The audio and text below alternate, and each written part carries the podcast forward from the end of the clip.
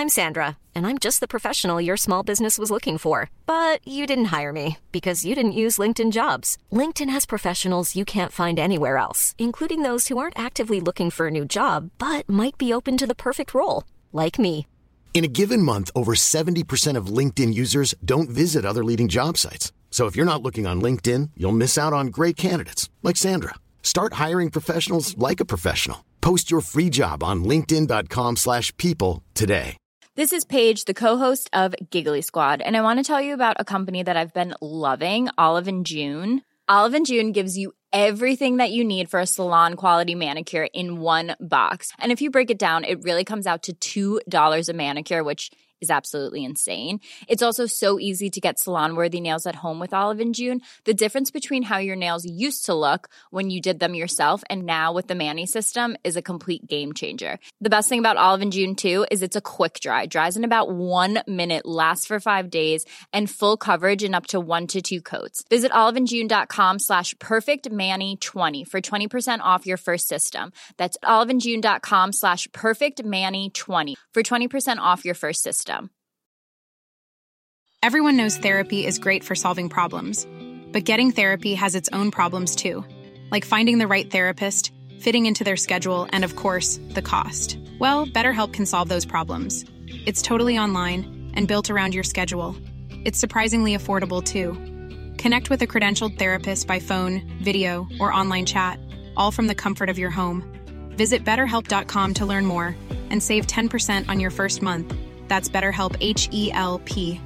Hey, it's Ryan Reynolds, and I'm here with Keith, co star of my upcoming film, If, only in theaters, May 17th. Do you want to tell people the big news? All right, I'll do it. Sign up now and you'll get unlimited for $15 a month in six months of Paramount Plus Essential Plan on us. Mintmobile.com slash switch. Upfront payment of $45 equivalent to $15 per month. Unlimited over 40 gigabytes per month. Face lower speeds. Videos at 480p. Active Mint customers by 531.24 get six months of Paramount Plus Essential Plan. Auto renews after six months. Offer ends May 31st, 2024. Separate Paramount Plus registration required. Terms and conditions apply if rated PG. I don't need a lot of brains in this business. I mean, I've always said if you got an IQ of 160, give away 30 points to somebody else because you don't need it in investments. What you do need is emotional stability. Wow. Very first tech IPO, and it's a big one. Stock market hit an all-time record high today. A crash is coming. Now, whether it's six months from now, 12 months, 36 months, no one knows. There's a bear market about every five years. We've gone eight years without one. People have to realize this is the biggest IPO ever. Hej och välkommen till ett nytt avsnitt av succépodden Market Makers. Hur är läget med dig, Fabiano? Läget är fantastiskt. Solen strålar och corona fortsätter att hålla oss inomhus. Precis. Men Och- det är ju perfekt ja. nu, rapportperiod. Fan, svinmånga. Jag har inte kommit så långt än. Jag har bara läst typ fem eller sex rapporter. Men fan vilken succé det har varit. det Intressant i alla fall.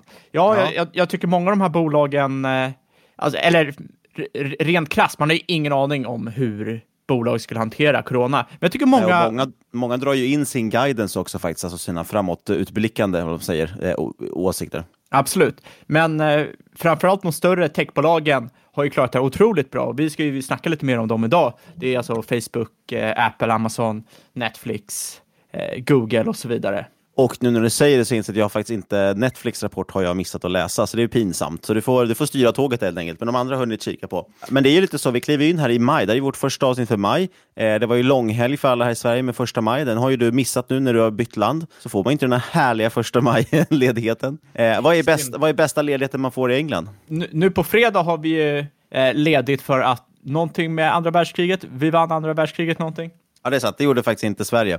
Eh, så den, den kommer vi aldrig få. Eh, men i alla fall, det är maj och då finns ju den här klassiska sell in May and stay away, pratar man ju om. Eh, tror du på sådana, sånt skrock?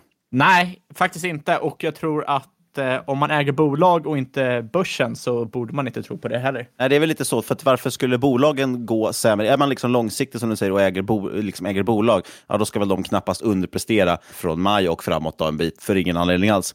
Eh, men däremot tittar man på börsen som helhet så är det så, tre av de fyra kommande månaderna är historiskt negativa, så oddsen är ganska dåliga. Eh, och jag skulle framförallt säga, vad jag tyckte var lite intressant, kika att, att eh, Börsen toppade ju i 2019, så tror jag faktiskt den toppade den första maj också. Eh, så att eventuellt här står vi på samma typ av vändning nu, varför det nu skulle finnas någon korrelation mellan det. Men det är riktigt, riktigt intressant. Vi pratade lite om det för någon vecka sedan här också, att eh, det är väldigt svårt att veta vart det ska nu egentligen. Absolut, och sen liksom, historiskt är det inte så konstigt att det är sell may go away. Alla hade ju industrisemester för fan. Det hände ju inget på sommaren. Men vi kan i alla fall nämna, du sa att det är rapportperiod. Eh, drygt hälften av företagen i S&P 500 har nu rapporterat. Eh, vinsterna för Q1 då, jämfört med föregående år är ner närmare 10 procent. Så det är inte så pass blodigt än, men då är det ju framförallt då mars, alltså sista månaden i Q1, som är påverkad egentligen. Absolut, och jag tror att många kommer framförallt i Q2 rapportera lite eh, tråkigare siffror om man säger så. I Q2 lär det bli riktigt, riktigt blodigt och det är nu någonstans agnarna skiljs från vetet då kan man säga. Eh, in, inte på så sätt att det är bättre eller sämre företag, men, eh, men företag som har haft tur att ha, vara, verka i en bransch som kommer att eh, gynnas av det här. Jag ska återkomma lite grann till det kring det där, men jag tänkte bara säga det först, återgå till hur börsen ser ut i stort. Eh, sen 23 mars är S&P 500 upp 29 procent. Eh, de 20 största bolagen där står för, för 35 procent uppgången och det är ganska många av dem vi ska titta på. Det är ju Apple, eh, Apple, Amazon och Microsoft framförallt. Helt enkelt för att de har störst market cap och därför ger de också störst påverkan på avkastningen, trots att de faktiskt har underpresterat indexet då egentligen med några procentenheter. Sen såg jag Barron, de kör ju sin Big Money Poll, där man undersöker och drygt 100 förvaltares syn på marknaden. Eh, då sa sig 39 procent att de trodde på positiv avkastning för året 2020. Eh, 41 procent var neutrala, så slår man ihop det så blir det ungefär 80 procent som tror någonstans att vi kan ha plus minus noll eller positivt. Eh, bara 20 procent var negativa till, till i år, alltså börsens avkastning. År. Tittar man däremot på 2021, då är hela 82 procent positiva. Det är ganska bullish ändå. Många som ändå bara tror att sky's the limit någonstans. Eh, och så finns det mycket då klassiska citater också om V-recover och så vidare. Saker ska återgå till det normala. Och, eh, ja, det, är, det är i alla fall lätt att, att vilja dra en parallell då till kanske 2007-2008 när folk också sa att när de första liksom, orosmolnen började dyka upp på himlen så sa folk att Nej, men det här kommer inte vara någonting. Absolut, och jag tror att eh, det här kommer påverka mycket längre än vad man tror. Men jag tror också att det kommer påverka på andra sätt än vad man kanske försöker analysera det på nu. Och det här med V-shaped recovery, det känns som man hör långt mycket fler som säger, som klagar på mängden människor som tror på V-shaped recovery än vad man har faktiska människor som tror på V-shaped recovery. Men det där beror nog också lite på vad man tittar, vad man har för filterbubbla. För tittar man på Twitter och mycket bland den typen av investeringsmängder, då, då, då är det inte så mycket fokus på V-shaped recovery. Men däremot tittar man, liksom, framförallt amerikansk eh, börs-tv, så är det väldigt mycket. De är alltid så extremt bullish. Eh, tills att nu Buffett gick ut och sa att han minsann inte var så bullish och att han hade inte hittat någon värde någonstans. Och då tyckte, hela, då tyckte alla plötsligt oj, men vänta, det här kanske är på riktigt. Kan jag bara nämna det också, senaste tio åren så har man ungefär skapat 23 miljoner jobb i USA. Nu har man på fem veckor fått närmare 30 miljoner arbetslösa. Så att man har totalt utraderat de senaste tio åren. Eh, vi är tillbaka faktiskt på nivåer vi såg senast 1998.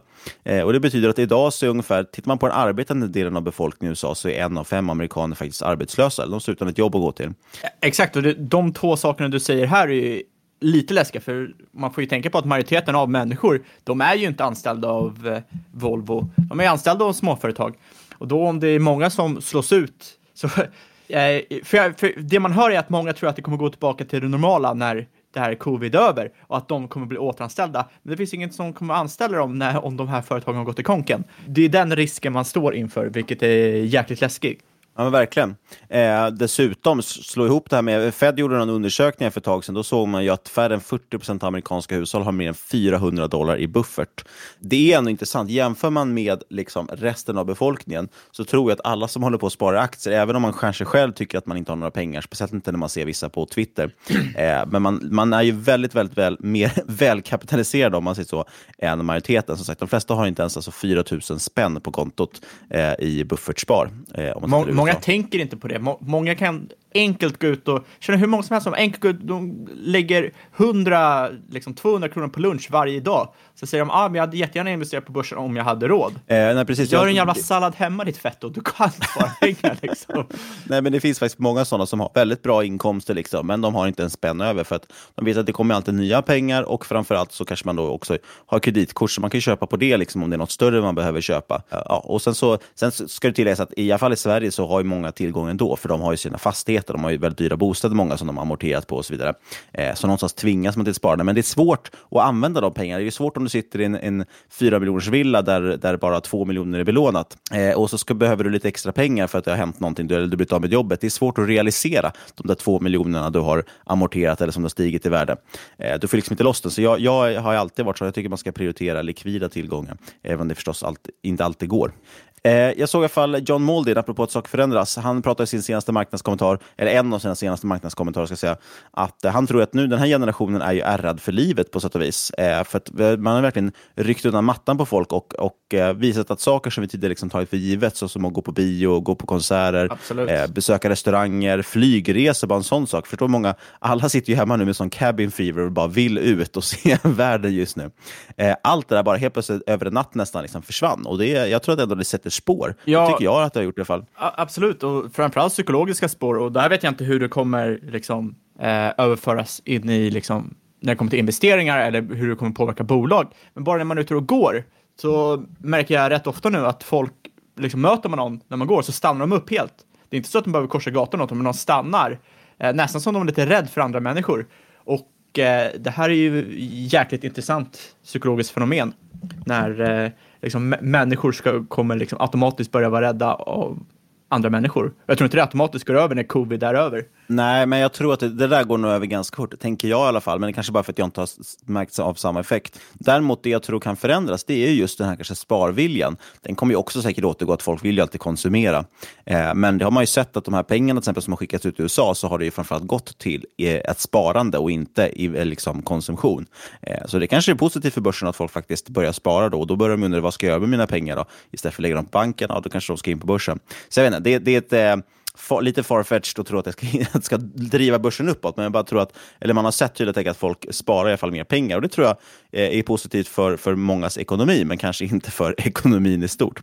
Men som sagt, många, många saker kommer förändras och framförallt kanske många av de aktiviteterna förändras. Jag menar, vi har sett nu att många sport, sport, eh, eh sportevenemang går över till, till streaming och så vidare. Det är mycket saker som går över till streaming, eh, blir digitaliserade, ska ske liksom på distans. Och idag ska vi prata om några företag som kanske kan vara med och eh, leda den här förändringen lite grann och förhoppningsvis gynnas av den också, eller hur? Ja, exakt. Och med det sagt så ska vi alltid påminna också om att det här inte är någon rådgivning eller rekommendation. Vi berättar om vår process, hur vi tänker, tänk på att alla investeringar kan gå ner i värde, ta alltid ditt eget ansvar, gör alltid egen analys. Men nu kör vi igång med dagens avsnitt.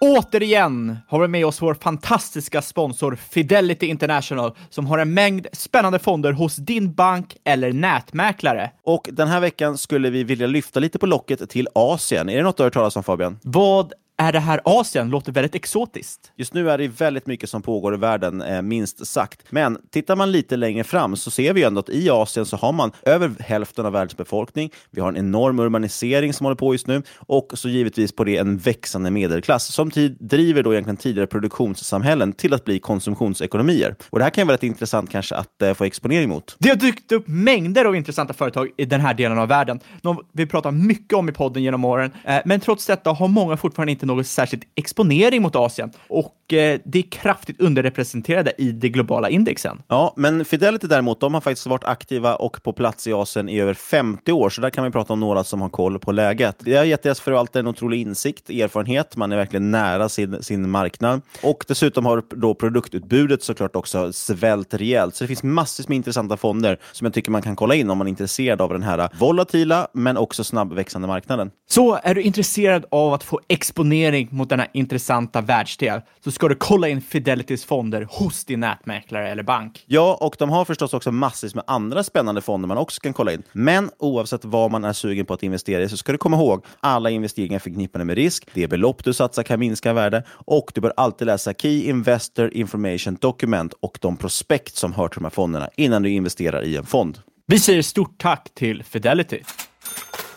Ja, som vi sa förut, ska vi avhandla rapporter idag och något som man verkligen har märkt att den här krisen har slagit in hur starka de stora amerikanska techbolagen är. Och eh, faktum är att de har ju gynnats av den här krisen eh, i det långa loppet.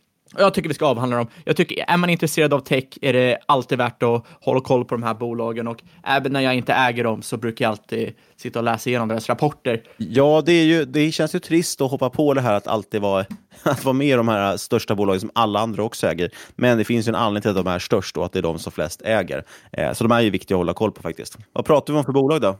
Eller ska vi beta av dem en och en kanske bara? Äh, vi betar av dem en, en, en och en. Jag vill bara ta upp en liten sak först. Och det är att in i rapportsäsongen var många, inklusive vi, eh, väldigt negativa till eh, plattformar som genererade intäkter via ads, till exempel Facebook och Google. Och björntesen led, eh, löd ju där att eh, marknadsföringen är cykliskt, vilket den är. Och eh, när deras kunder blir pressade i en recession så tvingas de minska på sin marknadsföring för att överleva, make väldigt mycket sens. Man såg det här till exempel eh, under 08-krisen, eh, dotcom-bubblan och så vidare tidigare sedan dess. Eh, händer hela tiden. Och eh, grejen efter 08-krisen så har ju Google och F, eh, Facebook tagit en enorm stor bit av den här marknadsföringskakan. Och det skulle ju antas vara väldigt rimligt att kunder stänger igen plånböcker även när marknadsföringen är online. Eh, för det som händer nu när, eh, med corona, det är att intäkter föll till noll för en stor mängd företag och eh, när bolag har fallande intäkter, det är ju inte konstigt som sagt att de klipper marknadsföringen. Och det här visade sig vara sant. En stor mängd bolag meddelade att de skulle klippa marknadsföringen och det här speglades inte minst i Facebook och Googles aktiekurser. Och det, syn, det, syn, det börjar ju också synas lite grann i siffrorna också. Eh, och det ska ju tilläggas att det framförallt är mycket just småföretag som vi pratade om innan. Det är de som mycket använder Google-annonsering och Facebook-annonsering för att kunna hamna liksom nära kunden. Om man ska söka på, vad vet jag, eh, frisör Linköping så är det ju, vill man gärna annonsera på de nyckelorden också. Eh, absolut, men jag tycker inte det är, visar sig nu att det inte är så svart och vitt som jag tycker att eh, majoriteten har lagt fram det. Jag tycker nästan att det varit li lite för slever thinking när man kollar eh, vad som har hänt. För det, det som hände var att man såg ett stort fall under mars och sen en stabilisering under april. Blev saker bättre under april? Nej, egentligen inte. Ekonomiskt är saker sämre i april än vad det var i mars. Men ändå så rapporterar både Google och Facebook att de har sett stabilisering, även fast de tror att de kan fortsätta vara drabbade under eh, Q2. Du såg ju, ja, Facebook till exempel låg flat year on year. Inte bra resultat, men är det här apokalypsen, är det här botten, ja då är det nog inte så illa som man faktiskt trodde. Ja, det är faktiskt väldigt intressant. Eh, samt tittar man på, jag, jag såg eh, Alphabet, deras eh, vd gick ut och sa det att, att man hade ju första två månaderna så var det ju väldigt stark tillväxt, eh, precis som vanligt. Men just i mars så fick man ju en, liksom en significant slowdown, som man sa, i, i eh, annonsintäkter. Eh, det jag tror man kanske ska tänka på här, det är någonstans att det är framförallt kanske slår mot det är lite marginal också. Alltså, det funkar som annonsering att desto fler som vill annonsera, desto fler som står i kö i princip för att köpa ett ord. Det blir, som en, det blir ju en auktion eh, som gör att det driver upp priserna, så de får mer betalt för vissa nyckelord om man pratar om, face, eller eh, om man pratar om Google till exempel. Desto fler som vill annonsera. Så det jag kan tänka mig är att jag menar, det kommer alltid finnas en stor andel människor som vill annonsera, men många sänker kanske sina budgetar, vilket gör att det blir lite billigare att annonsera. Men jag tror fortfarande som att de säkert kommer ha ganska bra i pipe, bara att de får lägre priser. Det det jag säger här, det är att det finns två typer av företag som eh, annonserar på Facebook. Eh, de första använder det som kallas för direct response ads. Och det här är marknadsföring som leder till direkt conversion online. Det är alltså när du klickar på den här reklamen så ger det bolaget en, i stort sett en direkt conversion. Och det här är i stort sett gaming, där det är e-commerce och så vidare. Eh, säger bolag upp den här typen av marknadsföringen så säger de upp, i stort sett upp sin egna omsättning för de behöver få in den här conversion för att hålla uppe sin egna omsättning. Där kan vi prata om bolag som till exempel G5 Entertainment, om vi ska ta något svenskt bolag, som i princip, eh, deras, deras intäktsström går ju i princip, den är helt korrelerad mot hur mycket de lägger på adspend. Exakt, och sen på andra sidan av den här så har du ju brand uh, advertising som uh, helt enkelt leder till conversion längre, längre down the road. Till exempel Volvo eller vad fan uh, Mercedes eller vad fan som vilket bilbolag som helst som kör, kör någon bilreklam och så tänker du om två månader, fan Volvo snor nice. Ja, precis. De kör ju mer bombmatta med annonsering. Det handlar ju bara om att hamra in ett, ett värde i varumärket. Exakt, men de förväntar sig också inte någon conversion just nu, utan det är eh, längre ner och de kan säga upp det här för de kommer inte påverkas direkt. Eh, och det är det här som föll ordentligt nu för både Facebook och Google och alla andra marknadsföringsplattformar. Det som är intressant med till exempel Facebook är att de domineras av det som kallas för direct response ads, det som jag berättade var eh, direkt online conversion. Facebook till exempel domineras av den tidigare direct eh, response ads. Och det som blir intressant här då, då är när brand ads drar sig ur så får de här direct response ads ett mycket bättre ROI på sina ads, alltså return on investment. Kostnaderna för ads minskar eh, via supply and demand helt enkelt. Och det här drabbar ju såklart Facebook och Google i början eftersom de får lägre intäkter. Men högre ROI lockar såklart fler att köpa den här typen av ads, vilket eh, trissar upp priserna. Och det är antagligen det som vi har sett nu i april, varför april inte har varit lika blodigt som det var i mars. Det är ju faktiskt jävligt intressant. Eh, och, och, ja, precis. Det är faktiskt väldigt intressant. För det är ju det man ser också när, när bolag som, som du säger, typ G5 som tog upp, när de ser att de får högre ROI, ja, då kommer de alltid trycka på gaspedalen så att säga, för då kommer de tjäna mer pengar. Exakt, och speciellt nu när Eh, FBs produkter ser högre användning än normalt. Otroligt intressant opportunity. Sen rent, liksom, hoppar man vidare, eh, så för några veckor sedan så såg man ju också att FB köpte en 10% stek i Gio, eh, som är ett dotterbolag till Reliance Industries Limited, alltså ett jävligt stort indiskt bolag. Jag tyckte det här också var otroligt intressant. Eh, orkar inte förklara hela bolaget, men i stort sett så majoriteten av pengarna kommer från deras oljeraffinaderi eh, eh, som de investerar i andra industrier. Och eh, 2016 startar startade de då Geo Platform som är ett telekombolag och det är kanske inte så otippat att Facebook är intresserade av det här efter de hade ett tidigare misslyckat försök med gratis internet i Indien. Men i alla fall, det som skiljer Gio från andra telekombolag är att det är helt byggt för att leverera data till sina användare. Eh, alla andra telekombolag var ju från början byggda på att man ska ringa upp varandra, tjascha, och sen över tid så utvecklar man att det skickar data också.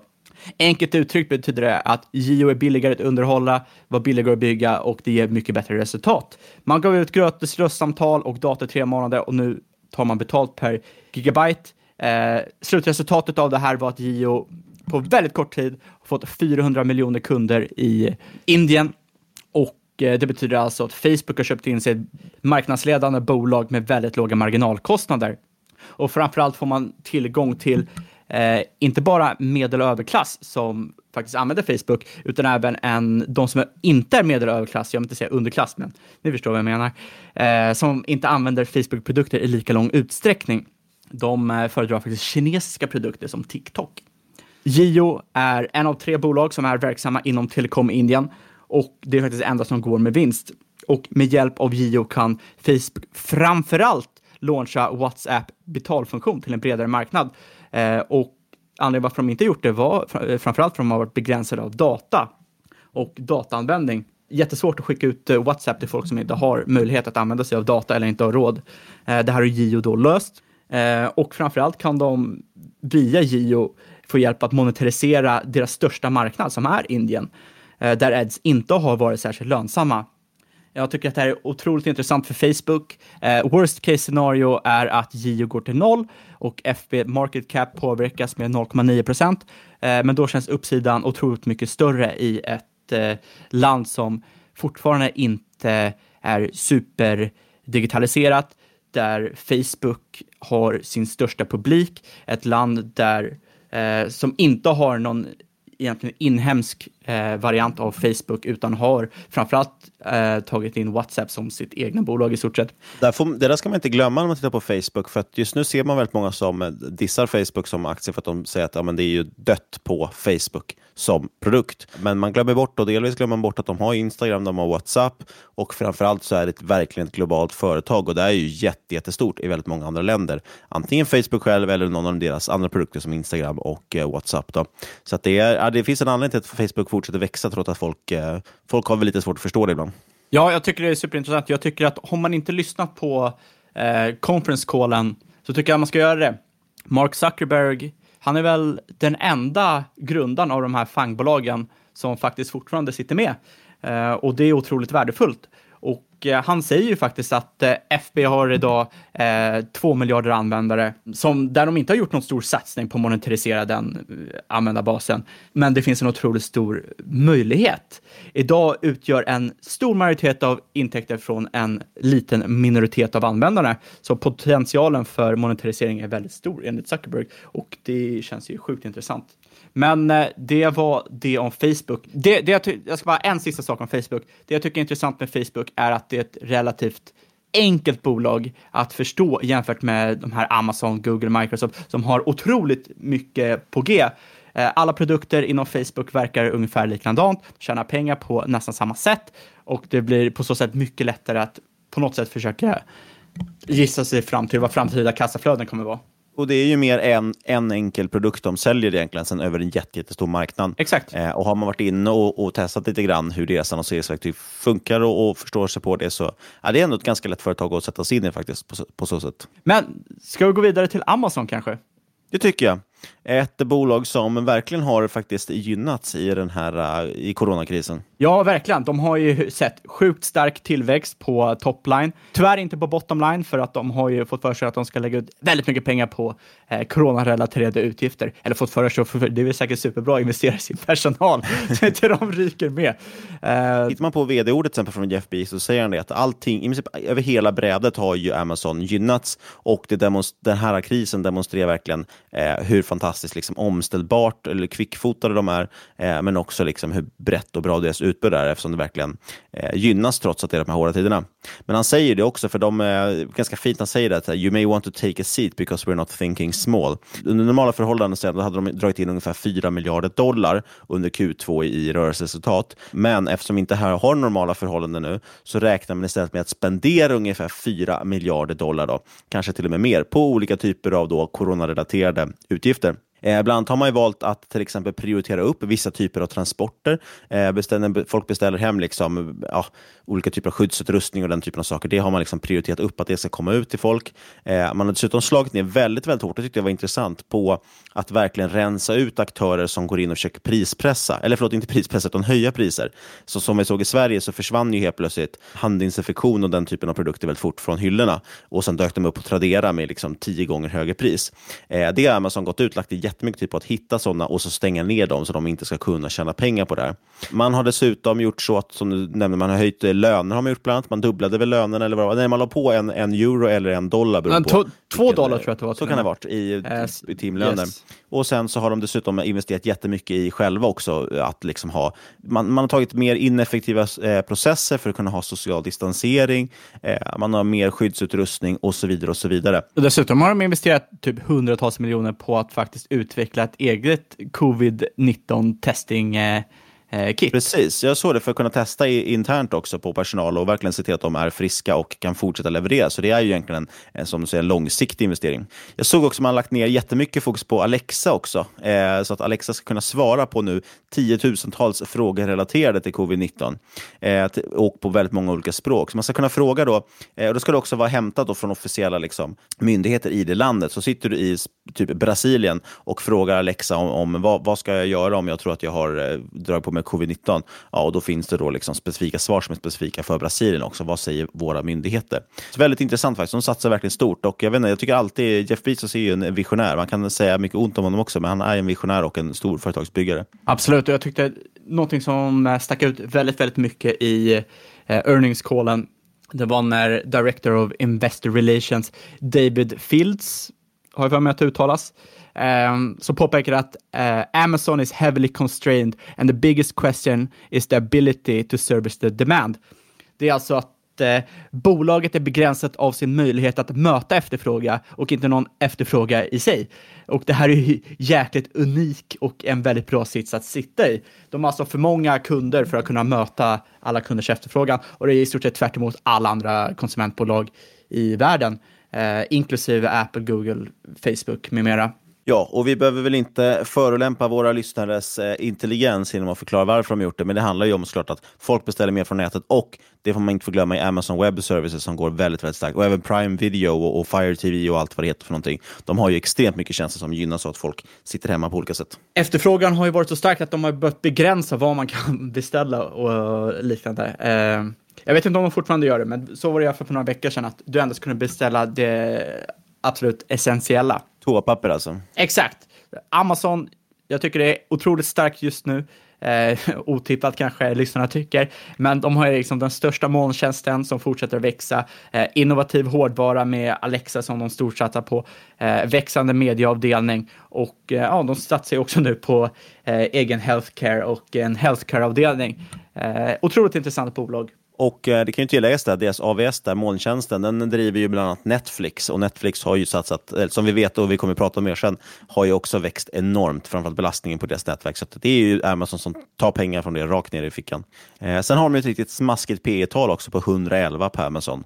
Eh, så det är väl det enda som inte kanske lockar. PS på 3,9 det är väl kanske lite mer rimligt för med tanke på hur snabbt bolaget växer. Ja, det är ett intressant stort bolag, men eh, jag vet inte, det är som alltid eh, frågan är hur man ska värdera det här bolaget och eh, vad, vad det är egentligen värt. Histor historiskt sett är väl Amazons P tal relativt lågt nu. Så är det man kan nöja sig. man får vara glad att det är positivt i alla fall. Ja, det där, det där är svårt för att eh, pratar man, man med någon som alltid varit bullish Amazon så kommer de ju säga att ja, Amazon har ju historiskt sett alltid haft ett högt P tal och kolla vad det är nu. Å andra sidan är Amazon eh, one trillion dollar company nu, vilket också gör att man kanske borde ta eh, ett extra varv när man, när man tänker på eh, värdering av bolaget. Det är en sak att ha P 100 när man är eh, liksom värderad till eh, 100 miljoner dollar eller 10 miljoner dollar. Det är en helt annan sak när du är en liksom, biljon dollar. Jag tycker det är väldigt, väldigt svårt för att eh, Amazon, jag tror vi alla kan enas om att Amazon är ett jättestort fint bolag. Eh, det är framförallt ett bolag som jag tror också kommer fortsätta växa. Så på, ser man bara, är det det man investerar i så är det intressant. Men frågan är var ska avkastningen till investerare komma från? Ska den komma från återköp, utdelning eller vad, vad, vad ska liksom pengarna, hur ska de trilla ner i investerarnas fickor? Och det tycker i alla fall inte jag att man har något tydligt svar på, men det kanske jag som missar också. Men som sagt, det, det finns inte någon vinst, man har mycket kassaflöde, men återinvesterar man. Men ja, jag tycker det är ett väldigt svårt bolag att värdera, men det är helt klart ett bra bolag, ett intressant bolag. Ja, extremt svårt, framförallt för att de har typ eh, eh tre olika eh, fria kassaflöden i sitt eh, i sin årsrapport. Nej, man får väl göra sitt best guess scenario. Det är ju absolut svåraste bolaget i eh, FANG plus Microsoft-gruppen att värdera utan tvekan. Vilket ska vi hoppa vidare till nu då? Jag tycker vi kan hoppa lite snabbt till Apple. Eh, och sen tar vi det är ju tydligare Netflix bolag i alla fall. och sist Google, för då får man ju FANG! Ja. Eh, Apple, deras omsättning, deras vinst, de växte något year on year. Men framförallt så ska man ju påpeka att eh, services nådde ny all time high och eh, triumf för Market Makers podd är att wearables nådde nytt kvartalsrekord. För vi påpekade ju för typ ett år sedan att eh, wearables var nya services, kanske inte riktigt nya services, men underskattat eh, segment av Apple. Och jag tycker fortfarande att det är det. Det är extremt intressant vad wear wearables är och hur man kan utnyttja det segmentet framöver. Eh, sen ska man också påpeka att för några veckor sedan så meddelade Apple att de skulle komma med en ny iPhone SE, alltså en ny lågprismodell med egentligen helt galna specs. Och en fråga man kan ställa sig då, varför vill de släppa mobiler med lägre marginaler som tävlar mot deras high-end mobiler och högre marginaler? Och helt enkelt, jag tror inte de tävlar med sina egna mobiler. Eh, jag tror inte de får lägre marginaler på de här mobilerna för de använder Eh, äldre hårdvara, eller, eller, inte hårdvara, men de använder skärmar och skal som eventuellt redan har deprecierat, eh, vilket skulle vara relativt genialt. Och eh, fram, framför allt om de nu ska satsa som företag på att vara ett serviceföretag, då vill de ju bara få ut så mycket mobiler på marknaden som möjligt. Eh, desto fler telefoner som säljs oavsett pris så innebär det högre intäkter från service och från wearables eh, in the long run. Ja, jag tycker Apple är svårt. Alltså jag, jag har aldrig fallit riktigt för Apple. Vi hade ju Magnus Andersson med här förra veckan som är superbullish och alltid varit superbullish på Apple. Eh, mitt problem med dem lite grann är att det har varit en sån extrem multipel expansion. Man har ökat sitt PS-tal och sitt PE-tal med mellan 80 till nästan närmare 100 procent eh, senaste fem åren. Så till exempel PS har gått upp till närmare 5 istället för 2,5 typ. Eh, PE 23, eh, även den då dubblad som sagt, eller nästan dubblad ska jag säga, på 4-5 år. Så det har varit en extrem multipel eh, liksom, expansion och någonstans, ja visst, då kan man argumentera för att bolaget har blivit stabilare eller mer intressant och det växer ju väldigt, väldigt fint. Men ja, jag vet inte, det är lite svårt att motivera så extremt kraftiga uppgångar. Någonstans måste det ändå finnas ett tak för vad man betalar för stabilitet och vi vet ju inte ens om hur, hur kan vi veta att det ska fortsätta vara så stabilt. Det har det inte varit historiskt. Exakt, och framförallt 2019 såg man en extrem tillväxt i aktiekursen. Uh, nej, men jag, jag är ju sa, samma bana som du är. Uh, framförallt har jag aldrig tyckt att Apple varit lika intressant som de andra fangbolagen. Eh, vilket ju liksom... Även om de kommer in jag gärna har fel om, men... Även om de går mot mer digitalt, liksom att de säljer det här servicesegmentet de säljer i App Store och så vidare, så är det fortfarande väldigt mycket ett eh, mer gammeldags bolag då, jämfört med de andra och borde liksom slås lite grann av sagt, eh, supply chain-problem. Eh, även deras, man pratar ju också mycket om att de har en enorm kassa som de kan investera. Det är också ett problem att deras nettoskuld har ju dock minskat rejält. De har ju tagit på mer och mer skulder, mycket som går till återköp. Eh, så jag, vet, jag tycker inte att det är så himla intressant att prata om den här kassan längre med tanke på att den är i förhållande har krympt. Deras enterprise value har ju, har ju på så sätt eh, ökat rejält. Eh, nettoskulden har gått från, tittar man från typ 2003, eller förlåt, 2013 till exempel, Eh, så låg den på minus 60 procent nettoskuld ungefär. Idag är den nere på minus 25. Så skuldsättningen har ökat enormt i det här bolaget. Eh, och det är helt enkelt för att de här pengarna är ju låsta. Man får inte in dem riktigt i, i landet och man sätter inte sprätt på dem, så man lånar pengar istället. Eh, men den skulden har sagt ökat, så den här kassan är, kan man räkna mindre och mindre med helt enkelt. Eh, ja, jag, jag håller helt med. Eh, jag tror att the play for Apple nu är att de ska få ut så mycket mobiler som möjligt. Eh, och kunna fortsätta öka liksom, sin service och wearables-sektor. Och det går jättebra. Wearables är ju, eh, ska man slå ut den eh, som eget företag skulle det liksom vara, har för mig, ett av de tio största bolagen på S&P Eh, och det är inte så konstigt som Apple är så stort. Ja, och det man inte ska glömma, så att det går klart alltid att tjäna pengar på, på aktier på alla möjliga sätt. Apple kan ju till exempel vara intressant eftersom det är så pass eftertraktat, de ska se själva, även aktien, så att säga, med tanke på vad folk betalar för den. Så ja, får man en rejäl dipp i ett sånt bolag som vi såg till exempel, jag tror det var 20, ja, men beslut på 2018 till exempel, ja, då var det intressant att, att köpa det liksom för att det var, det skulle ändå tillbaka till de här knäppa nivåerna som det är på. Men eh, tittar man på lång sikt så tycker jag i alla fall inte att eh, ah, man ska inte ha så höga avkastningskrav tror jag om man köper Apple på de här nivåerna. Nej, Eh, det håller jag med om. Jag, jag, tror allmänt att alla de här techbolagen, du kommer inte se samma typ av avkastning de kommande tio åren som du sett de senaste tio åren. Matematiskt så it doesn't add up. Jag tror inte man ska förvänta sig det. Jag tror att eh, snar, snarare att du kan se dem som ett ställe där du kan få eh, potentiellt helt okej okay avkastning i väntan på liksom, bättre opportunities. Eh, framförallt i tillfällen som till exempel nu när du har corona och eh, flera av de här bolagen kommer antagligen stå sig väldigt bra mot det. Vad ska vi hoppa till för bolag nu? Är det dags för Netflix nu kanske? Ja, vi kör, vi kör Netflix. Vi kör vidare på Magnus Andersson, favoriterna från Apple till Netflix. Ja, men, och där också så, vdn var ju ute mycket med det här att eh, fokus på liksom, att dels vad de kan göra för sin community, eh, hur liksom, pass stort coronan påverkar. Det var väldigt mycket fokus på det. Eh, till exempel såg jag just, eh, de, de har egentligen problemet att de har ju extrem belastning på sitt, sina system. Det har de ju löst, det är bara att utöka AVS-tjänsten de nyttjar. De har även justerat väldigt mycket med videokvalitet och sådär för att minska belastningen. Eh, de har väldigt, väldigt stor efterfrågan, men de måste ju också leverera serier in på det här. Eh, och där är det så i produktionsfasen av deras eh, filmningar har det ju blivit mer eller mindre stopp. Jag såg att det var, jag tror det var Korea och Island bland annat, där kunde man fortfarande filma en del. Eh, men annars har i princip all filmning liksom stoppats på Netflix. De kan fortfarande hålla på med postproduktion, alltså slutföra de här produktionerna de gör. Eh, och de håller även på och skriver och grejer nytt, då, det kan de göra på distans. Men just filmningarna är problem. Och det blir ett jättestort problem för dem. Alla småföretagare faktiskt och egenföretagare som jobbar i de här industrierna och eh, är ute och filmar de här serierna. Eh, det handlar om allt från elektriker, eh, HR-stylister, makeup, Eh, snickare och så vidare. Det är jätte, jättestor industri. Eh, de har ofta liksom dessutom tim, timdebitering.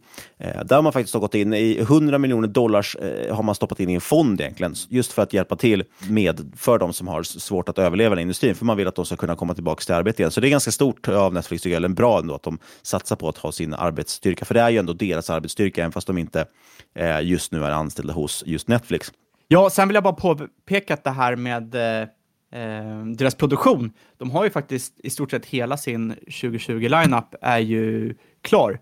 Och det är det som är väldigt positivt med Netflix i sådana här eh, tider. De kommer inte få slut på serier eftersom de har den här release at once-modellen, vilket i stort sett innebär att Netflix har en massa film och serier på lager och det kan jämföras med vanliga produktionsbolag som eh, har något typ av just in time-schema. De spelar in under säsongens gång och det här kostar såklart, eh, vi har tagit upp det här eh, förut, kostar ju mycket mer upfront för Netflix. Men det innebär ju bland annat att de är mycket mindre känsliga för sådana här störningar. Och det tycker jag är otroligt bra för Netflix jämfört med i stort sett alla andra contentskapande bolag. Vi har ju sagt det förut att, eh, att Netflix investerar i eget content. Som sagt, stor upfront-kostnad, men det betalar av sig otroligt i framtiden eftersom det då har noll marginalkostnad. Eh, inte minst som sagt när allting stänger ned. Eh, och ingen annan kan konkurrera med det här just nu, eh, för ingen annan har samma affärsmodell.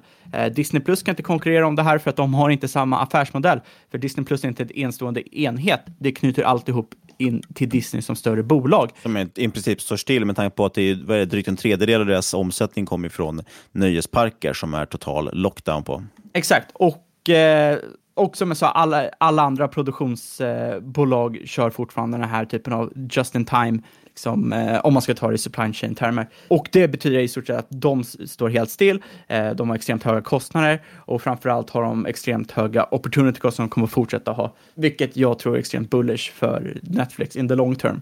Ja, och sen så är det faktiskt så. Eh, hade det inte varit för att dollarn var så stark, vilket gör att det, det, gör att deras internationella intäkter blir ganska dåliga då. Hade det inte varit för det så hade de ju faktiskt slagit också sin eh, guidance ganska rejält, sa de ju också. Eh, men problemet är ju som sagt att eh, de har då mycket internationella intäkter också, det sänker, så de, de hamnar ungefär in line med förväntningar. Och som förväntar sig också och hoppas på att deras tittande kommer minska så småningom eh, och även deras eh, medlemstillväxt, helt enkelt för att de hoppas att världen ska komma igång igen. Det jag tycker är intressant, jag, jag köpte faktiskt lite Netflix här i, i veckan, eller förra veckan blir det. Eh, och det är lite just för att eh, sist vi pratade, det var ju ungefär drygt två år sedan vi pratade med, med Magnus Andersson i podden igen och då pratade vi också Netflix och då har jag för mig att vi argumenterade ganska mycket där, framförallt jag och Magnus om eh, jag inte tyckte det var så himla intressant som bolag för att sen när ska de tjäna pengar egentligen? De bara ökar och ökar sin nettoskuld och det gör de ju fortfarande, eh, vilket jag tycker är synd. Men så var jag tvungen att ta en titt på dem igen nu efter vi pratade med honom här om veckan, för det är ju ett intressant bolag. Eh, och det man såg då att aktien har i princip stått och stampat, den har gått upp eh, 10-20 procent på de här två åren, vilket är inte är så bra jämfört med index. Men fundamentalt hade det skett en rejäl resa. Eh, så någonstans nu tycker jag börjar bli intressant. De har ju faktiskt de har varit lönsamma ett tag nu, eh, dock till P 100 typ. Och, men det som är intressant är att delvis växer de med varje kund. Alltså marginalen ökar hela tiden. Det har man ju sett stadigt de senaste åren. Eh, och det är helt enkelt för att varje kund de lägger på kostar egentligen ingenting extra, utan det är ju liksom grundkostnaden är ganska fast att skapa det här contentet. Men så måste, när de varje gång de lägger till en kund så bara ökar ökar marginalerna. Och det jag tyckte var intressant att Q1 här, det, det, kan vara så att det varit något kvartal för länge sedan, men, men på de kvartal jag kollar här på nu, eh, eh senaste typ fem sex stycken, så är Q1 första kvartalet nu när man faktiskt också uppvisar ett positivt fritt kassaflöde och det tycker jag är jäkligt intressant. Ja, men det är ju för att man då har, man får ju pusha spend framöver eftersom Eh, produktionen nedlagt, då, blir, eh, då får man ett eh, eh, positivt fritt kassaflöde. Med det sagt så tycker jag inte man ska ska fnysa åt det. För jag tror inte att de kommer börja, börja köra catch-up och ha någon superkvartal där de släpper allting de som har stannat upp nu i produktionen. Utan jag tror att de helt enkelt kommer förskjuta sin produktion och det här betyder att eh, Eh, man helt enkelt har fått ett gratis positivt fritt kassaflöde eh, som kan spela otroligt, otroligt viktigt i framtiden. Eh, och det eh, i samband att man har sett nu en, någon typ av pull forward av årets eh, subscribers i mars. Alltså att folk som man antog skulle, eh, eller som man har räknat ut skulle subscriba under Q3 och Q4, antagligen redan har subscribat, eh, gör att de får cirka eh, 100 miljoner dollar extra i månaden, sex månader tidigt. Och det här är additivt så är på long term eh, eller på lifetime value. Eh, och det är absolut inget att fnysa åt. Det här är ju extremt mycket extra pengar som de kan använda till att investera i annat och eh, eh ger extremt hög aktieägarvärde. Ja, men eh, vi pratade om annonsintäkter här på Facebook och eh, då kanske vi ska glida vidare till ett företag som framförallt också är annonsintäkter, men som är extremt mycket svåra att sätta sig in i och det är ju Alphabet, tidigare Google höll jag på att säga, men det inte, stämmer inte riktigt, men moderbolaget till Google. Exakt, och de såg ju, de såg ju också att ads avstannade rejält under mars. Mängden search såg en extremt ökad aktivitet, men det skifte mot mindre kommersiella ämnen och eh, kunder minskade adspend generellt. Det som jag... Och så tjänar de ju inte på att folk söker, de tjänar ju på att, att annonseringen finns där. Så minskar annonseringen så spelar det egentligen ingen roll om folk söker mer eller mindre, tänker jag. Eh, absolut, och det som jag tycker är intressant här nu är att tänka på skillnaden mellan eh, Facebook och Google. För att egentligen det här som vi relaterar med de två typer av företag som använder ads är ju samma mellan Facebook och Google. Men man får också relatera till vad Facebook gör jämfört med vad Google gör. Och det Facebook gör är att de hjälper bolag hitta sina kunder. Deras kunder sitter, kunderna sitter och scrollar i en feed och ser ett företag som de klickar på. Eh, Google gör i stort sett tvärtom. De hjälper kunder hitta produkter.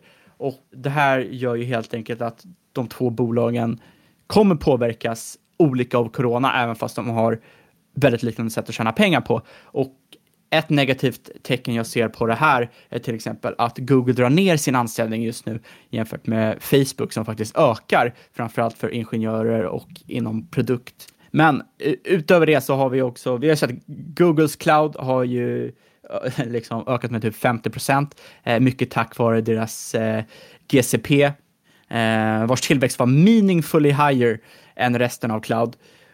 Och eh, även sett tillväxt i till exempel Google Play med typ 30 procent och i hårdvara. Eh, så det, det har varit ett helt okej kvartal för Google trots omständigheterna. Men liksom enligt rapporten själv så är det a tale of two quarters. Eh, uh, Adspend återhämtningen kommer bero på ekonomisk aktivitet och eh, det är väldigt makroberoende eh, enligt earnings callen. Ja, och, och som jag sa tidigare, att de såg ju tydligt att det på, liksom, i slutet på mars verkligen saktar in. Och, men som du säger så är det ju det att eh, advertisement står ju fortfarande för mer än tre fjärdedelar ungefär av omsättningen.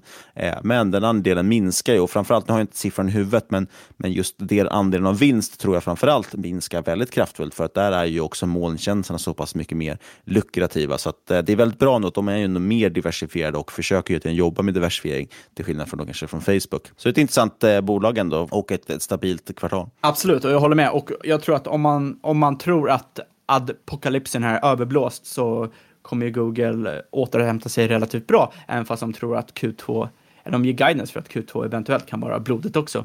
Ja, men och någonstans också, så allt beror på hur långsiktig man är. Är det så att man vill äga de här bolagen på lång sikt, vilket jag tror väldigt många sitter och väntar på att, att få en chans att göra, så kommer de dippa ner tillräckligt, ja, då kommer köparna komma in. Så att, ja, jag tror ändå att det kan vara intressant att ta lägen. Jag har inte tagit en position just där för bet, men jag tror att det är, den typen av bolag kan vara intressant. Och eh, någonstans ändå, de, de handlas till P 27 någonting och, eh, och växer väl ungefär i den takten. Så att PEG-talet, liksom, tittar man på det så är det är intressant med ett sånt bolag. Ja, det, det jag tycker är jobbigt med, Eh, med Alphabet är att de tjänar pengar som Facebook, men de har liksom en, eh, eh ett företag som Amazon. Eh, och det jag menar med det är att de, deras sätt att tjäna pengar är väldigt enkelt, rent principiellt. Men det är extremt svårt att utvärdera det bolaget. De har extremt stor organisation. Ja, det, det, är extremt man... svårt att veta var pengarna kommer och går ifrån. Precis, någonstans ska man försöka, det är mycket av det här, det other bets och de här bitarna som man nästan kan skära av själv. Alltså tänka att de, de betalar man, det är bara optioner egentligen. Eh, men samtidigt, problemet med att räkna så, det är att ja, de, de kostar fortfarande väldigt mycket pengar och ibland har de kostat lite för mycket pengar. Exakt. Eh, men ska vi hoppa vidare till Microsoft då? Sist men inte Ja, minst. ett annat bolag som växer sina molntjänster rejält och eh, som verkligen har levererat det här kvartalet, tycker jag i alla fall. Omsättningen var ju upp 15 procent medan rörelseresultatet ökade med hela 25 procent. Eh, även vinsten låg någonstans där kring 20-25 procent.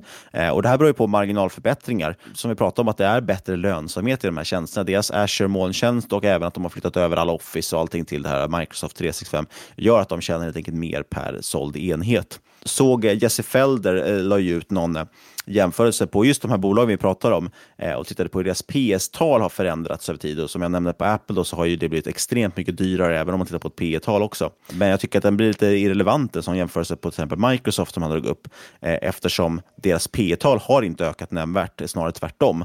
Eh, P talet är i princip på samma nivå sen, sen tidigare, eh, just för de tjänar mer och mer pengar och det är i slutändan det man betalar för. Eh, sen att man väljer då att använda ett PS-tal och titta på omsättning istället för den prisas, ja, det är ju ointressant om marginalerna förändras. Absolut, att öka bottom line, eller att öka top line behöver inte alltid vara bäst. Att öka bottom line, eh, bottom line kan vara bra mycket billigare sätt att ge aktieägarvärde. Ja, sen går det bara såklart upp till en viss nivå. Du kan aldrig mer än 100% vinstmarginal, men, men ändå. Nej, absolut, men jag menar en expansion på 5-10% på bottomline är extremt mycket pengar. Nej, men och, och Microsoft har ju verkligen gynnats av det här. Jag tyckte det var kul. Deras eh, vd gick ut här och sa att de har sett två år liksom, av digital transformation som har skett nu på två månader. Eh, och Det har ju cirkulerat någon bild på det ämnet också när man pratat om liksom, vem är den drivande liksom, faktorn i digitaliseringen i företaget. Är, är, är det eran CTO, eran CEO eller CFO? Och alla bara nej, nej, nej, det är våran covid-19 som har drivit det. eh, det är verkligen så. De, de jobbar ju med, eh, de ligger helt rätt i tiden för det ändå någonstans. För att de, det bygger på att, det är som ett extremt brett utbud, men det bygger någonstans allting på digitalisering och molntjänster och så vidare som gör att folk kan jobba hemifrån. Deras CFO sa också att de hade haft extremt eh, solitt tredje kvartal med deras commercial cloud och den växte ju närmare 40 procent year over year eh, och drog in 13 miljarder dollar. Det är sådana sjuka summor i de här företagen som man inte fattar.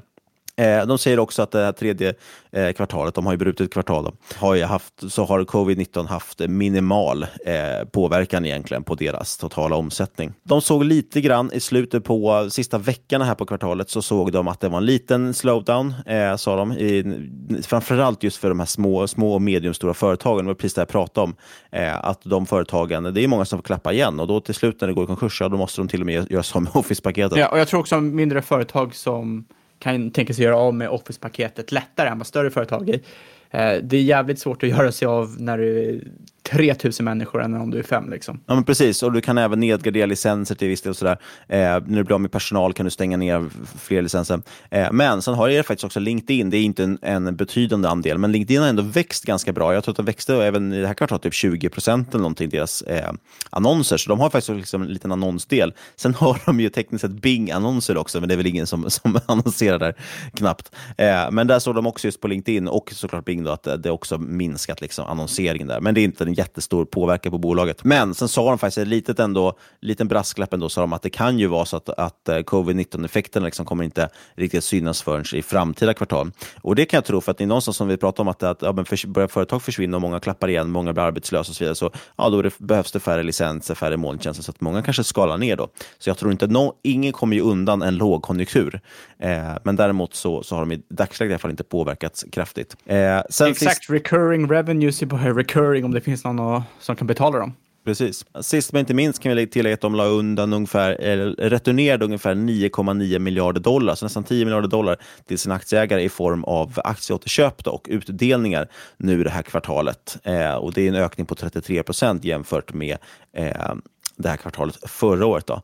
Eh, så de, de satsar väldigt mycket på aktieägarvärdet, för att, att ge tillbaka till aktieägare. Sen kan man eh, diskutera det här med buybacks och så vidare, men eh, de tar i alla fall pengarna och stoppar tillbaka till aktieägarna, i aktieägarnas fickor, till skillnad från då, till exempel Netflix och, så där, vilket jag, och Amazon, som jag kan vara lite tveksam till ibland. Ja, jag håller med. Microsoft, eh, otroligt intressant eh, eh, bolag och eh, enligt mig är den största krigaren mot Amazon i eh, cloud eh, cloudkriget, eh, Google en Helt klart. Nu har inte tredje Azure... plats långt borta och kommer ja. fortsätta vara det. Jag tror har inte. Azure-siffran i huvudet, men de har ju tidigare också växt med enormt. Den har ju varit den som varit snabbast växande, som Microsoft molntjänst. Eh, sen har den inte varit störst, så det är ju lite det här med law of large numbers, men, men den är ju otroligt intressant och eh, de får ju väldigt mycket synergieffekter på ett annat sätt mellan sina produkter. Eh, men med det sagt så kanske vi ska göra som många småföretag om några månader och klappa igen. det tycker jag vi gör rätt i. Och vi har varit väldigt tydliga här med vilka bolag vi har pratat om och vi kanske då ska också vara tydliga vilka vi äger. Jag har ju innehav i Microsoft och Netflix av de här vi pratar om idag. Ja, och jag har innehav i eh, Amazon, Facebook och oh, Netflix. Så här mycket bolag har vi aldrig hört äga förut. Nej, slå på stort eller slå inte på alls som de säger. eh, bli rik eller evigt fattig. Men kom ihåg då att inget av den här podcasten ska ses som rådgivning. Alla åsikter är våra egna eller vår gäst. Eventuella sponsorer tar inget ansvar för det som sägs i podden. Eh, exakt. Tänk på att alla investeringar är förknippade med risk och sker under eget ansvar. Eh, har ni inget eget ansvar så kontakta oss på podcast.marketmakers.se så kan vi eh, skicka er på utbildning för det. Inte som vi betalar, men eh, som ni själva får göra. Eh, eller på Twitter, marketmakerspodd. Och där får ni jättegärna höra av er om ni vill det känns ändå inte som någon lyssnar på den här sista biten i podden, så man kan ju säga vad fan som helst. Uh, jag hoppas jag att ni lyssnar, för att jag idag. vill återigen få lyfta upp att vi är sponsrade av Fidelity International, som har ett otroligt fondutbud som jag verkligen tycker ni ska kolla in. Eh, just den här veckan vill vi trycka lite extra på Asien, men de har verkligen hur mycket fonder som helst. Och framförallt fonder med väldigt intressanta olika strategier. Men som sagt, kom ihåg, Key Investor, Information Document, Prospect, det finns risker med alla former av investeringar. Det får ni aldrig glömma. Eh, det gäller oavsett vad man investerar i för någonting, till och med om man investerar i gröna obligationer. Men hörni, sist men absolut inte minst säger vi stort, stort Stort tack för att du har lyssnat. Vi hörs igen om en vecka.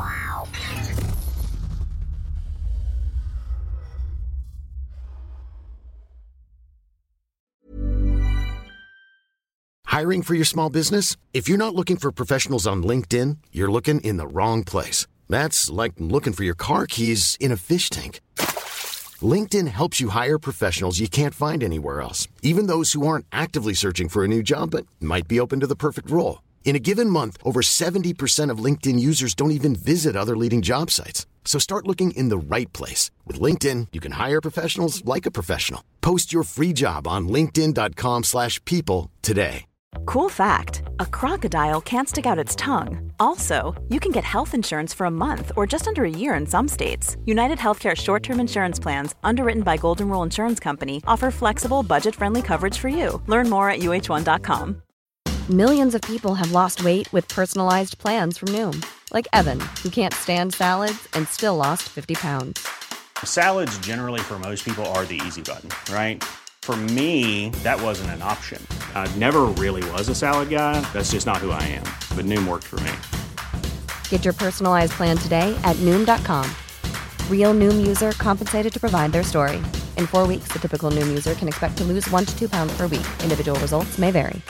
Everyone knows therapy is great for solving problems, but getting therapy has its own problems too, like finding the right therapist, fitting into their schedule, and of course, the cost. Well, BetterHelp can solve those problems. It's totally online and built around your schedule. It's surprisingly affordable too. Connect with a credentialed therapist by phone, video, or online chat, all from the comfort of your home. Visit betterhelp.com to learn more and save 10% on your first month. That's BetterHelp H E L P. Quality sleep is essential. That's why the Sleep Number Smart Bed is designed for your ever evolving sleep needs. Need a bed that's firmer or softer on either side? Helps you sleep at a comfortable temperature? Sleep Number Smart Beds let you individualize your comfort so you sleep better together. JD Power ranks Sleep Number number 1 in customer satisfaction with mattresses purchased in-store. And now, save 50% on the Sleep Number limited edition Smart Bed for a limited time. For JD Power 2023 award information, visit jdpower.com/awards. Only at a Sleep Number store or sleepnumber.com. Mom deserves the best, and there's no better place to shop for Mother's Day than Whole Foods Market. They're your destination for unbeatable savings, from premium gifts to show-stopping flowers and irresistible desserts. Start by saving 33% with Prime on all body care and candles. Then get a 15-stem bunch of tulips for just $9.99 each with Prime. Round out Mom's menu with festive rosé, irresistible berry chantilly cake, and more special treats. Come celebrate Mother's Day at Whole Foods Market.